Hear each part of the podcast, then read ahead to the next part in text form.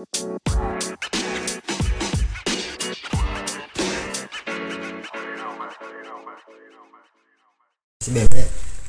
assalamualaikum warahmatullahi wabarakatuh. Balik lagi di uh, Sasopod Sabtu sore podcast bersama saya Bang Kewing. dan saya bangsat Oke. Dan kita kedatangan tamu nih. Siapa yang spesial itu? tentunya dari organisasi Cinta Alam. oh iya, kurang namu ya. Hah?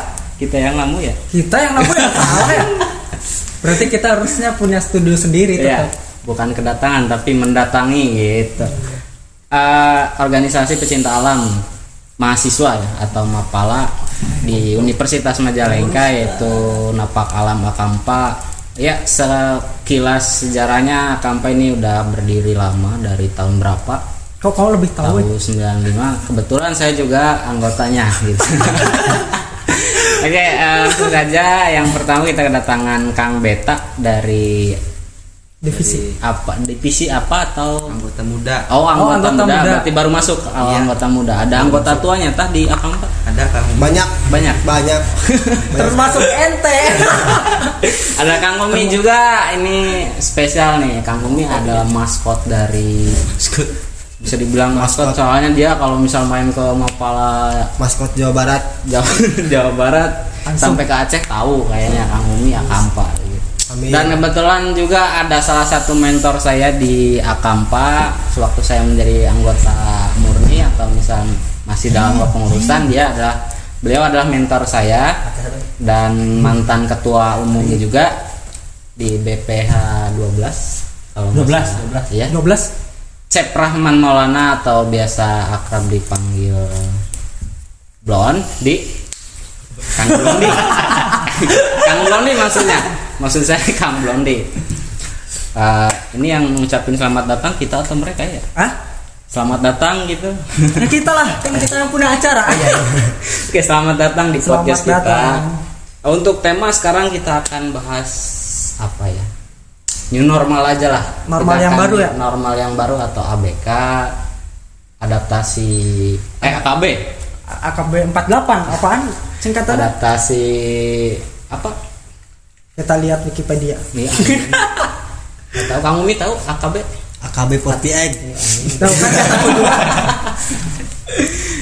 new normal kayak gitulah. Adaptasi kebiasaan baru kayak gitu. Ah oh itu.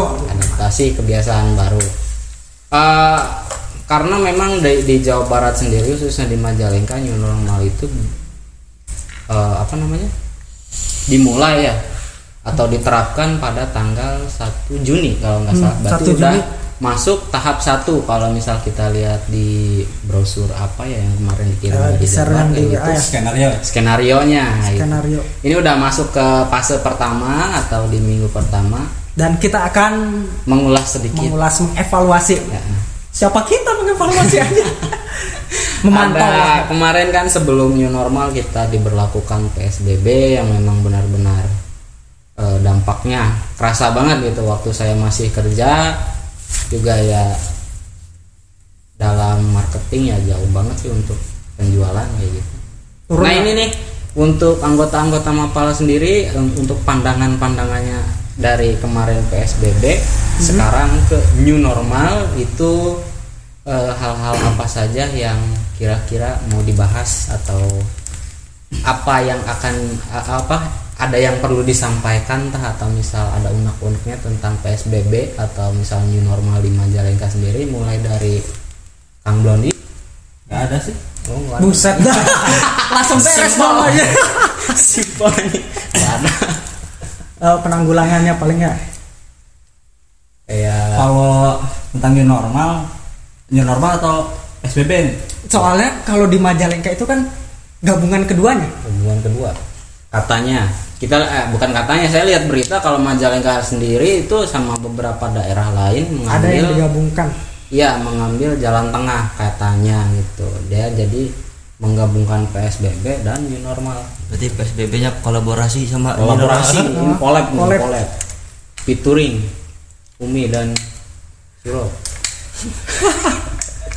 ya kalau saya sih emang dari awal nggak terlalu mengikuti cuman ke sini ke sini eh, ke sini Ah. eh, kayaknya perlu tahu juga gitu, Perlu juga, tentang eh, PSBB tentang new normal. Berarti awal-awal masih? Bodo amat. Ya bodo amat paling gak lama juga. Kan belum pernah ngalamin pandemi. Oh iya, Iya sih. baru. Baru. biasanya kan kalau bencana paling lama dua minggu ah kira-kira Ya, nggak lama juga ini. Itu biasanya bencana apa yang paling lama? oh kalau Ablon ini ke Aceh ikut nggak?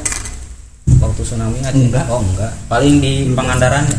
Ketinggalan pesawat. Waktu tsunami Pangandaran ya? Enggak saya nggak ke mana-mana di rumah aja. Di rumah aja berarti dari dulu udah di rumah Stay- aja? stay at home jadi gimana Ya kalau tentang PSBB emang sulit ya, apalagi di eh, masuki waktu bulan puasa di mana budaya kita kan kebiasaannya budaya ngabuburit gitu. betul betul betul Itu kan eh, ramai-ramai berkerumun ngabuburit pasti bareng nggak mungkin sendiri-sendiri.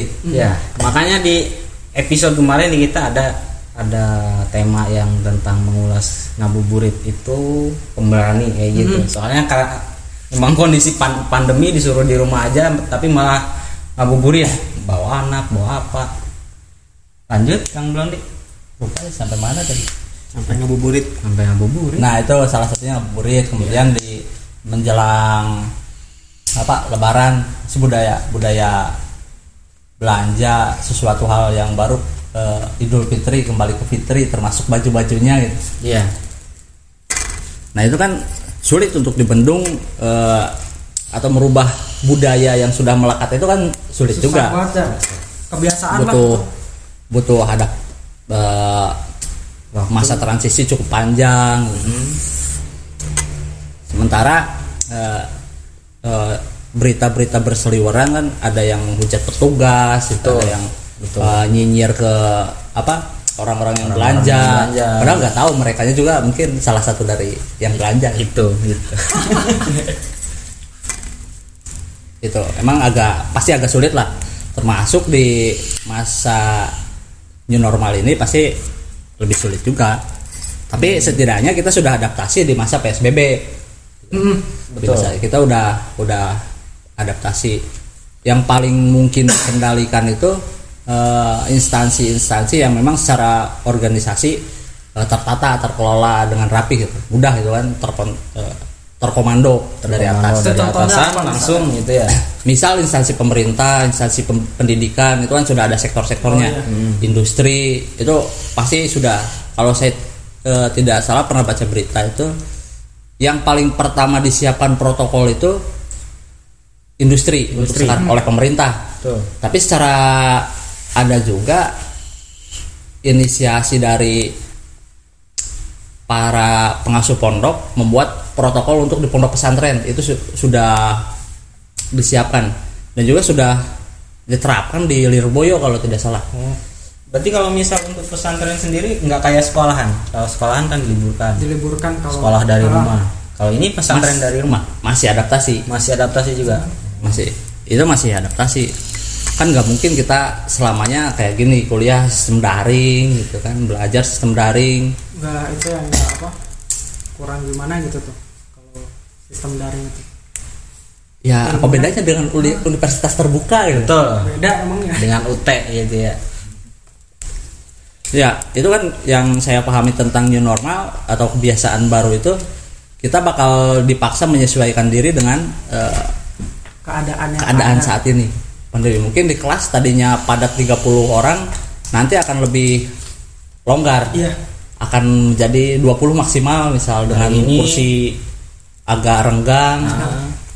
Kemudian wajib pakai masker ke kelas, wajib eh, kampus wajib menyediakan hazmat hand sanitizer Hand di depan kelas kampus pakai apa setelan hazmat kayak gitu APD. Oh, tapi tapi ya apa namanya tadi dengar dari pak kepala kepala sekolah. Di mana?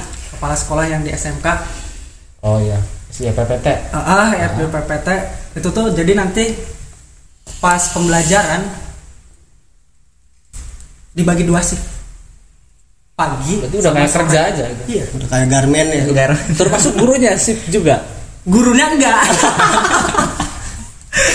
Terus kayaknya apa namanya honorer juga enggak enggak rubah. Nggak rubah? Nggak rubah kayaknya jadi Senin eh Senin. Misalkan pagi kan misalkan ada 40 yang tadi ya 40 Iya. orang. 40 orang itu dibagi dua. 20 pagi 20 siang. nanti si apa si kursinya dikasih jarak yang jelas. Itu sih yang tadi dengar-dengar mah. Berarti dari apa mekanisme pembelajaran di kelasnya untuk kursi dibatasi, kursi sama dibatasi kursi eh, dikasih jarak. jadwal masuk kelas juga pakai shift. baris ya Sip. baris nggak Baris enggak lah Tapi yang ngajarnya Ah, baris. eh, virtual nggak atau oh, virtual belum ada kita ya. Nggak ada Maksudnya online nggak gitu? Ya, enggak lah, laptop buset. gitu. Jadi si gurunya mah jauh di mana? enggak, enggak, belum belum nyampe situ belum nyampe Apalagi situ PPT ya? teknologi kita ya enggak juga sih buset Oh iya. langsung nyebut merek nggak apa-apa bebas aja nyebut merek di sini oh siap Jadi itu dari tadi segi pandangan Ablondi tentang eh, PSBB yang kemarin sama yang sekarang. Nah untuk segi kebetulan Ablondi sekarang s- sendiri kan masih kuliah ya. masih Ya. Barusan juga saya lihat tadi lagi BO apa booking order nih, tak apa Mi? booking online lagi bimbingan. Jadi udah sebentar lagi mau lulus. Bimbingan dari tahun kapan? Eh, hah? kalau bimbingan baru Oh baru baru. Jadi gimana nih? Berarti tadi udah nyinggung juga kita kuliah daring serasa kuliah di universitas terbuka, Kayak gitu. ya iyalah kalau selamanya kayak gini ya, ya gimana nggak usah nggak usah jadi efektif. kampus aja Nggak usah jadi kampus Unma aja ganti jadi Utema gitu. Iya. universitas terbuka tapi tapi pembayaran masih tetap nggak ada pemotongan nggak ada potongan berapa kalau persen. tingkat akhir nggak ada Oh, tapi kalau mahasiswa eh, satu sampai enam Enam. kalau nggak salah ada sih potongan cuman nggak tahu nominalnya berapa Wah, nggak terbuka dong Belum berarti. ya kan belum saya nggak kena potongan jadi Ya, ini nggak Oh, iya, tahu. ya. Ini kan semester akhir ya. Berarti yang semester awal Ini yang baru, yang baru, Baru, Oh, yang ini baru. yang baru. Mas Beto, eh Mas Beta. Mas Berto Iya, Mas Berto. masyarakat Potongan bertahu 60 ribu per bulan selama 3 Untuk? bulan. Untuk apa itu? Untuk per bulan. Untuk eh, biaya apa? Bangunan atau UKT. UKT? Iya, UKT. Gak ada UKT. Nah, nggak tahu dah. Pokoknya mah we info nah. 300 eh 60 60 ribu. 60 ribu per bulan. Iya. Tapi pas awal eh, pas awal diberlakukan kuliah dari rumah, pembayaran tetap Tetap tetap harus fasilitas yang didapatkan apa aja? tidak Pulsa. ada fasilitas. pulsa dapat Pulsa pulsa kayak gitu kuota Tidak. nggak ada. Ya udah itu untuk unma ya nanti kasih pulsa coba buat siswanya ya mahasiswanya lumayan uang buat beli AC gitu ya. iya siswa aja dikasih pulsa kok no comment no comment Gak apa-apa kita udah di luar unma kan Iya.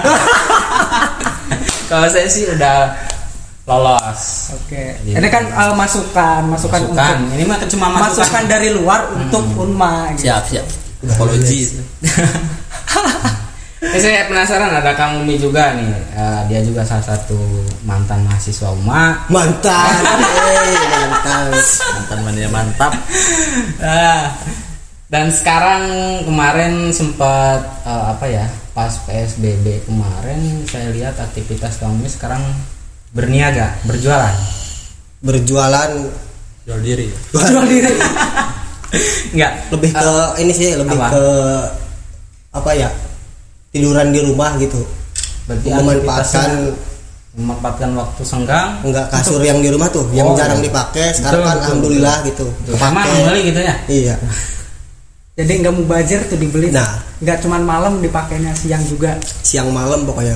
Ada yang unik nih dari Kang Umi karena dia pemikirannya udah jauh banget gitu. Jauh pisan. Soalnya dia saking jauhnya. saking jauh. Ya jam terbangnya juga jauh banget. Semarang Jepara ke mana? Gitu. luar biasa Kang Umi percaya corona? Ah ini nih. Ini menarik nih. Ini menarik nih. Per- apa namanya? Jadi banyak yang masih menganggap corona itu masih kons- konspirasi. Iya. nah ini gimana nih? Tanggapan selain Kang kita harus Umi mengikuti eh, apa namanya aturan dari pemerintah gitu. Bahwa ini memang lagi pandemi. Tapi di sisi lain Kang Umi sendiri menurut Kang Umi pandangan Iya. Kang Umi ini mah. Untuk corona. Iya. Percaya tidak ya kalau saya sih eh, keberadaan corona itu ya percaya adanya lah Oh, pantas sekarang pakai baju covid 19 ya nah ini alhamdulillah Oh itu di endorse dari mana tuh? endorsement ini nggak tahu dari mana Eh, intinya saya sih lebih bercerita apa ya dampak bagi kegiatannya kegiatan di Akampa sendiri kan ya, Oh, di. Akamba, di Ya. organisasi betul Ya kan? Organisasi benar. eh, kelihatan ya dari pas awal diberlakukan apa PSBB iya. seperti itu. Jadi kegiatan-kegiatan yang telah disusun dari badan pengurus itu kehambat. Seperti kan biasanya di Akampa itu setelah diksar anggota yang baru nih beta. Nah itu eh, melakukan atau ini mabim namanya masa, bimbingan, ya. gitu. Nah, sekarang kan lagi seperti ini nih dirumahkan semuanya. Saya kira juga Sepi. ini ramatan nih ya. Rabatan. Nah, apa sih ramat bahasa Indonesianya? bukannya ramatan dari dulu Nah, itu ya ini menambah banyak nih. Makin banyak. iya, makin banyak.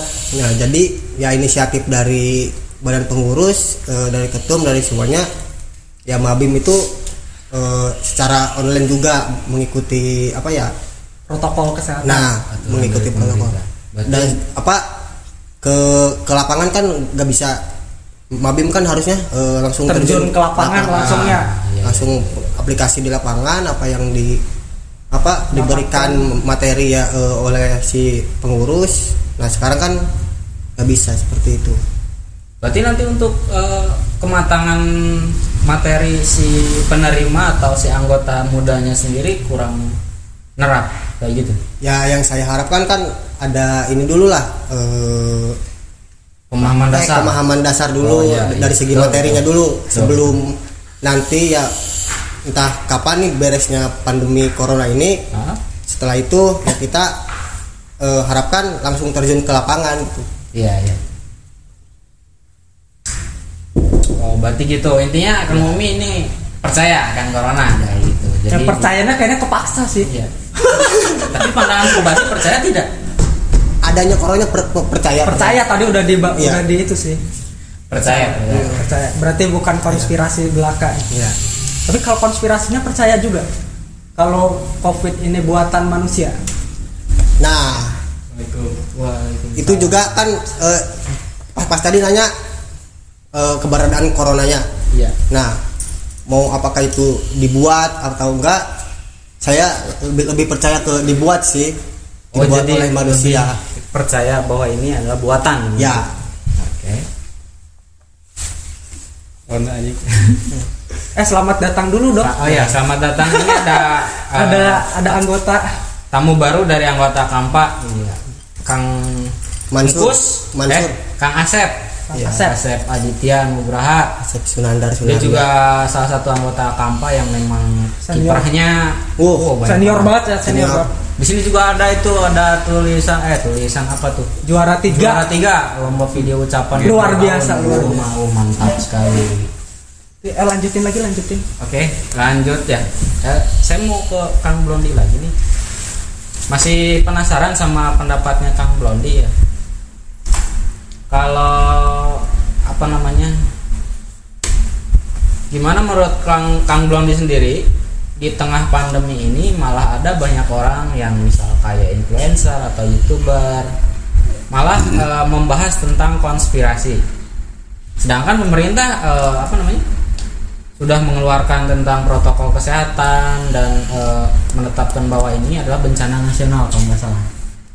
Ya. Nah, gimana menurut tanggapan Kang Blondi nih tentang masyarakat masyarakat atau misal influencer itulah, youtuber itulah yang menggiring pemikiran apa namanya? Eh, masyarakat awam untuk percaya akan konspirasi. Jadi mereka malah membahas konspirasi kayak gitu. Bahwa ini adalah buatan jual beli vaksin. ya Tanggapannya? kalau saya nggak apa ya? Nggak apa-apa lah. Itu kan eh, konsekuensi kita tinggal atau hidup di negara yang bebas ya kan Demokrasi. negara Betul. yang demokrasi Eh, menjunjung tinggi kebebasan berpendapat kira-kira kan gitu entah itu di share di media sosial ataupun di apa di YouTube dan lain-lainnya ya itu kan hak kreasi mereka sebagai bentuk ekspresi diri mungkin Betul. yang yang mereka tahu itu ya ya itu tentang konspirasinya mereka lebih tahu eh, meyakini tentang hal-hal itu. Ya beberapa orang kan nggak nggak terlalu tahu nggak terlalu ambil pusing tentang hal-hal seperti itu. Mungkin masyarakat masyarakat yang di bawah ada yang membicarakan cuman tidak tahu bagaimana pembuktiannya. Benar atau enggaknya ada yang mendukung ada juga yang bodoh amat yang penting cari makan gitu kan. Nah justru ini yang menarik nih Kang Bro Punten. Eh, jadi orang-orang yang tadinya udah apa namanya percaya akan corona ikutin protokol dan setelah lihat ada apa konten-konten tentang konspirasi ini jadi malah mereka tergiring. Tergiring untuk? Mempercayai konspirasi dan sehingga eh, menyebabkan mereka menjadi bodoh, amat, Kayak gitu apa jadi mengikuti ya. Jadi tidak mengikuti padahal dari awal dia mengikuti protokol kesehatan diam di rumah kerja dari rumah nggak keluar rumah nggak penting-penting amat mah kayak gitu tuh. Ya itu kan kalau saya rasakan stay at home itu cuma bisa bertahan beberapa lama. Iya. Kalau terlalu lama kan bosan bosan juga mungkin bosen. Gitu. kalau anak-anak muda mungkin kebosanan tuh tapi kalau yang lebih matang yang lebih dewasa atau yang sudah berumah tangga itu pasti alasan ekonomi. Kebutuhan pangan. Kebutuhan alasan pangan. kebutuhan. nggak kerja nggak makan ya? Ya iya kan. Eh, hal-hal seperti itu. Yang bertengkar tentang konspirasi ya biarkanlah. Cuman kita eh, sebagai warga negara kalau pemerintah menganjurkan memakai masker kalau punya ya pakai gitu aja sih Hmm, kalau nggak ada ya minta sama yang nyuruh pakai gitu kan nggak bikin pakai BH gitu. kalau ada yang bolong setengah ya pakai aja Imbasnya banyak banget. Dan pandangannya ya menarik sih.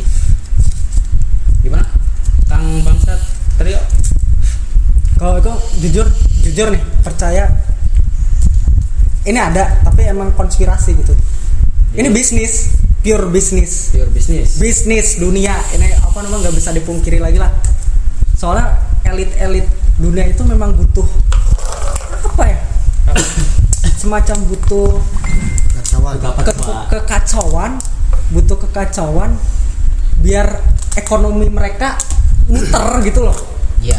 butuh pasti muter Kalau bahasa bisnis memang uang tuh harus diputerin. harus diputerin caranya. dan orang yang biasanya yang muterin ekonomi dunia tuh orang-orang yang emang baksat gitu loh emang orang-orang yang kalau orang baik itu nggak bisa muterin ekonomi dunia gitu gitu bisanya muterin apa orang baik Hah? Muterin. Apa ya? Muterin lagu. Itu bisa apa orang orang baik juga bisa. Cuman nggak se ekstrim orang-orang yang contohnya kayak siapa ya? Trump lah yang apa namanya yang kelihatan lah yang jelas-jelas terang-terangan misalkan. Gitu. Kalau menurut aku. cuman itu berat itu mending apa itu eh, anggap saja itu opini saya saja jadi nggak usah dibikin pusing lah nggak usah dibikin. Kalau misalkan ada yang setuju atau yang nggak setuju ya udah nggak apa-apa asalkan ya? justru itu kantam justru nggak usah nggak usah ribut gitu tuh ngabisin energi untuk yang sesuatu tidak penting. Mending ngurus perekonomian diri sendiri aja udah. Ya, human economic. Iya human economic dan memang saat pandemi ini Indonesia sendiri kita udah masuk ke apa namanya revolusi ekonomi. Revolusi hijau. Revolusi hijau. Revolusi hijau lagi revolusi ekonomi 4.0 kalau nggak salah. Kalau pak 4.0 jelas. Dari dari jelas. kemarin ya? Jelas udah dari sebelum pandemi juga udah eh, industri 4.0 ekonomi 4.0 udah jalan. Cuman pas sejak virus ini muncul ke Jadi- permukaan jadi makin udah santer. dasar gitu. Jadi makin santer itu. Makin apa ya makin menggila lagi tuh. Ini contohnya aja kan eh, banyak online shop online shop baru yang bermunculan. Dari mulai yang kita pernah bahas dulu waktu di episode pertama. Begitu bangke. Ya lanjutkan lagi. Lanjut. Apalagi nih? Oh ini kita kan kedatangan tamu nih. Kita bahas dong masa mau dianggurin Iya. diperkenalkan dulu. Perkenalkan tadi dulu kenalin udah kang Asep ayo Kang Asep bersuara Kang Asep. Juga. perkenalkan diri dulu dong. Lanjut lanjut anjing. Ya, tiba lagi bro lanjut lanjut. Kang Purba ini kalau diajak sholat juga ayo sholat lanjut lanjut. Kira-kira.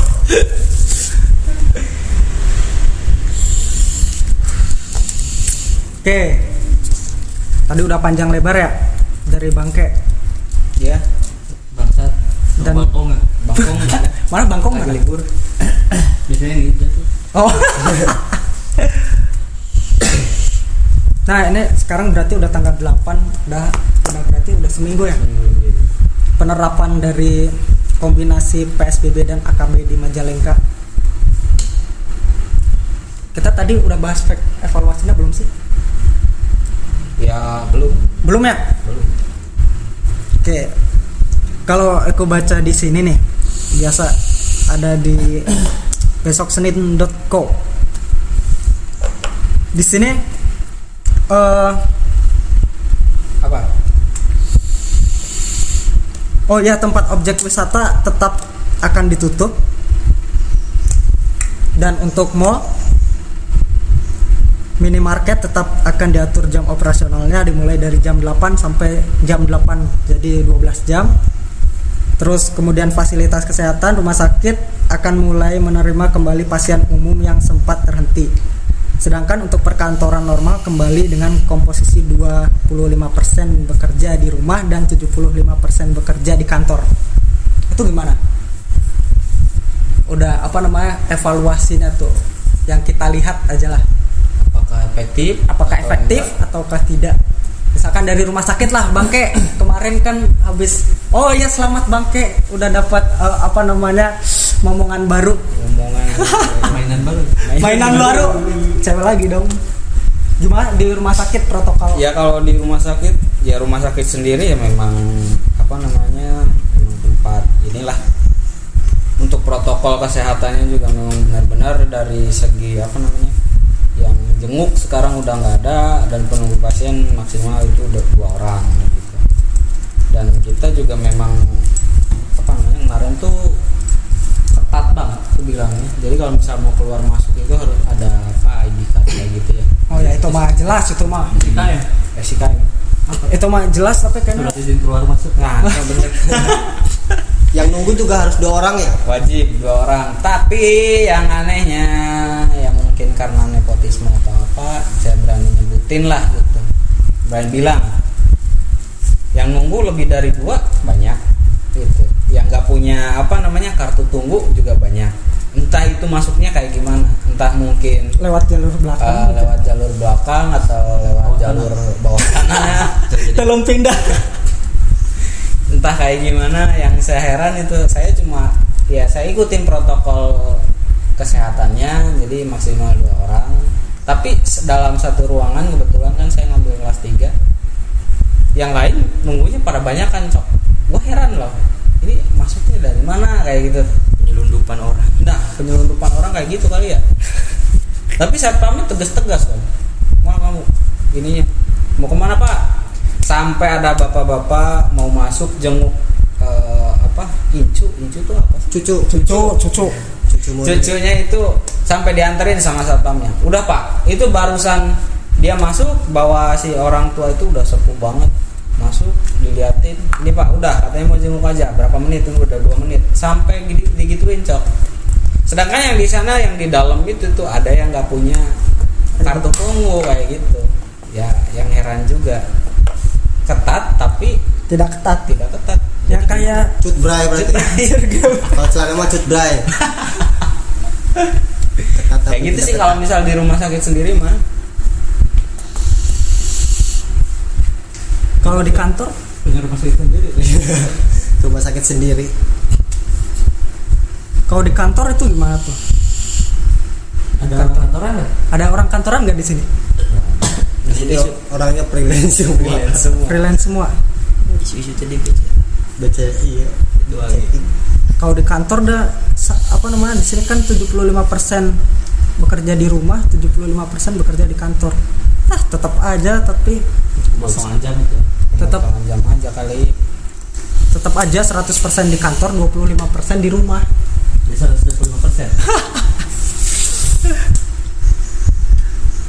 Oke ada yang mau ditanyain atau ada unak-unak barangkali dari Kang Beta, Kang Umi?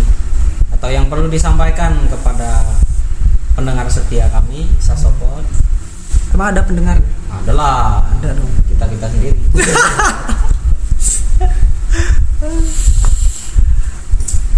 Lanjut lanjut. Jadi penasaran. Pesan nih pesan.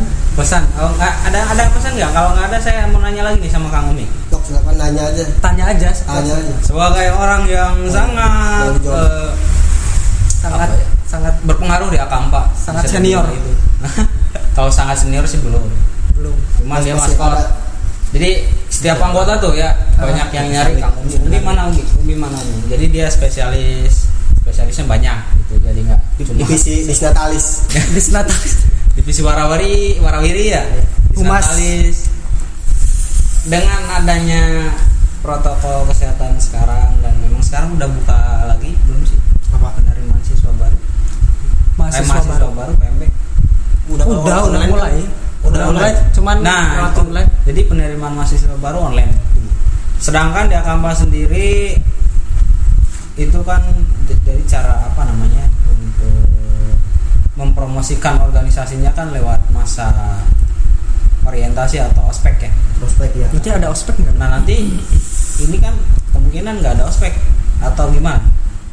Nah kalau nggak ada ospek nanti kita promosi organisasinya kayak gimana dan proses eh, penerimaan organisasi di Akampa kayak gimana? Misalkan proses ada, ada anggota baru ya? Ya ada diksar kayak gitu. Nanti diksarnya online atau gimana? Aduh jangan sampai tuh diksar online. Ya kalau ini kan dari organisasi sendiri kan lihat kebijakan dari kampus dulu. Nah kebijakan dari kampus seperti apa untuk eh, tadi prospek atau gimana untuk penerimaan mahasiswa barunya ya kita paling menyesuaikan.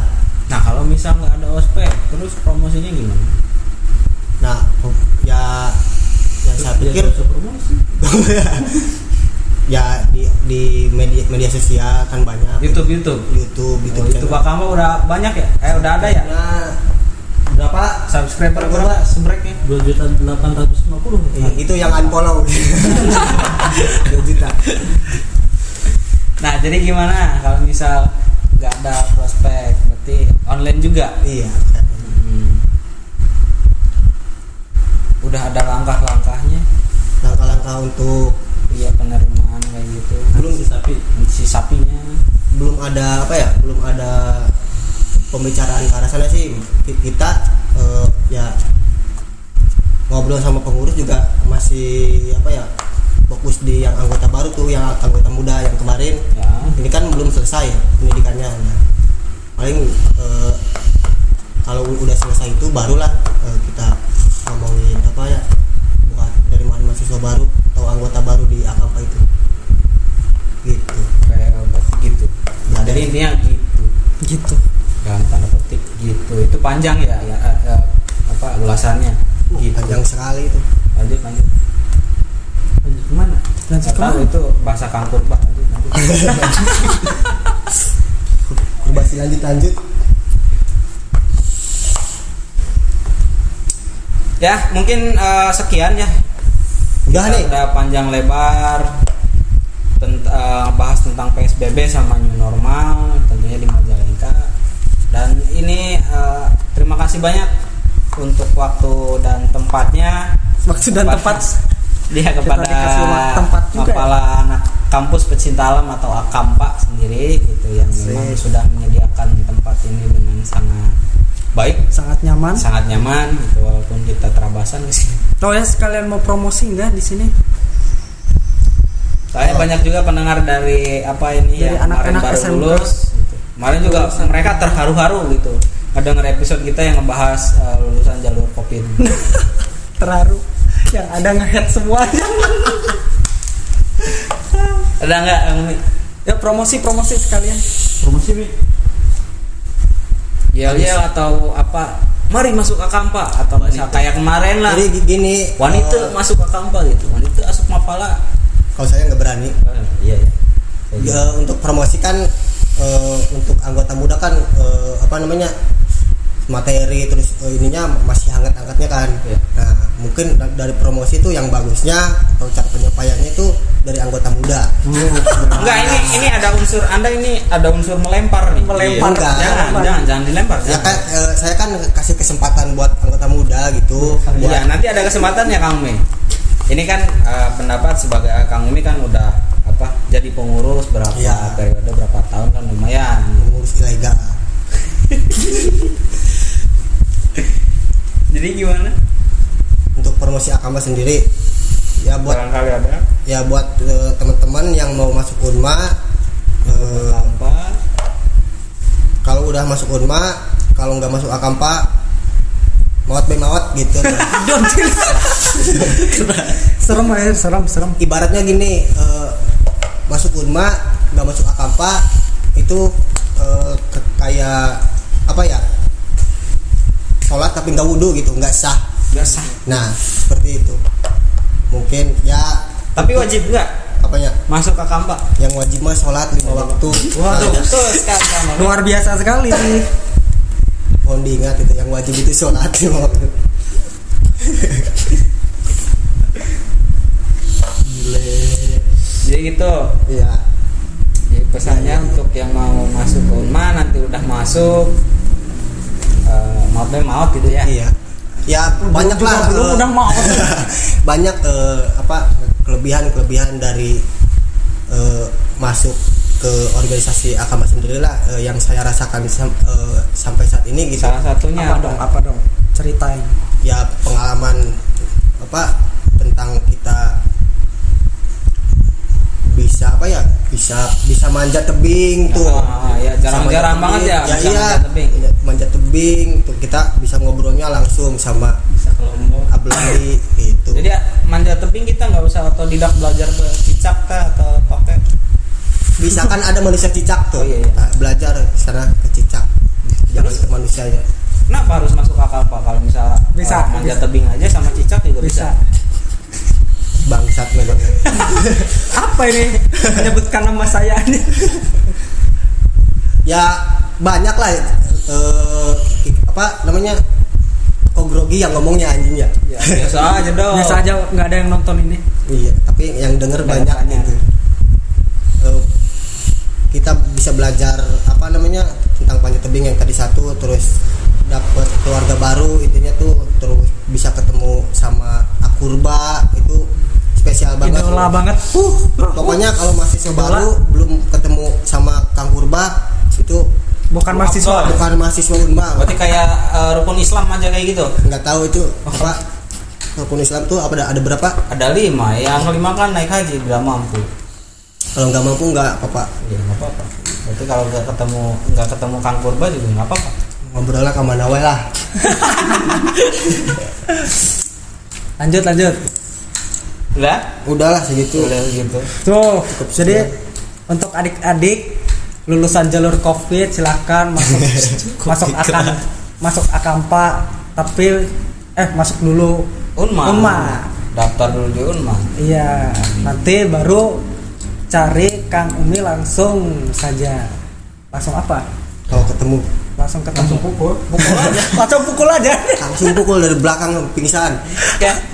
Ya mungkin sekian dari eh, episode sekarang. Ya, dengan apa tema tentang PSBB dan AKB lah. bukan bukan PSBB Ya, sih. AKB lah. AKB apa adaptasi kebiasaan, Kebiasaan baru, baru. di Majalengka dan terima kasih juga buat anggota-anggota Kampa, Kang Blondi, Kang Umi, Kang Purba sama Kang Beta. Sudah berkenan hadir dan mengisi apa podcast kita kali ini ya. Sami-sami. Yup, Next. Eh, eh, kata-kata terakhir biasanya? Kata-kata terakhir ya biasanya. dari siapa di sini? Kang Purba oh iya. Pesan-pesan terakhir dari Kang Purba sebelum kita tutup episode sekarang. Sebelum Kang Purba mati, ada pesan-pesan terakhirnya apa? Biasanya bagus quotesnya. kalau mau beli apa? Kalau mau beli sop buah jangan lupa samping Indomaret. Itu biasanya. Bener tuh promosi juga tuh. Aduh kita banyak promosi sekarang ya kalau nggak ada kita akan tutup aja. Oh ya kita akan lanjut lagi di next episode tentunya di Sasopod Sabtu sore podcast. Stay tune terus dukung kami dan jangan lupa dengerin dong. denger lah ini nggak bisa dilihat cok. Ini kan podcast. Basicnya radio. Kayak gitu. Berarti udah nggak ada nih? Udah udah nggak ada. Udah bener close aja. Closing oke see you next time. Assalamualaikum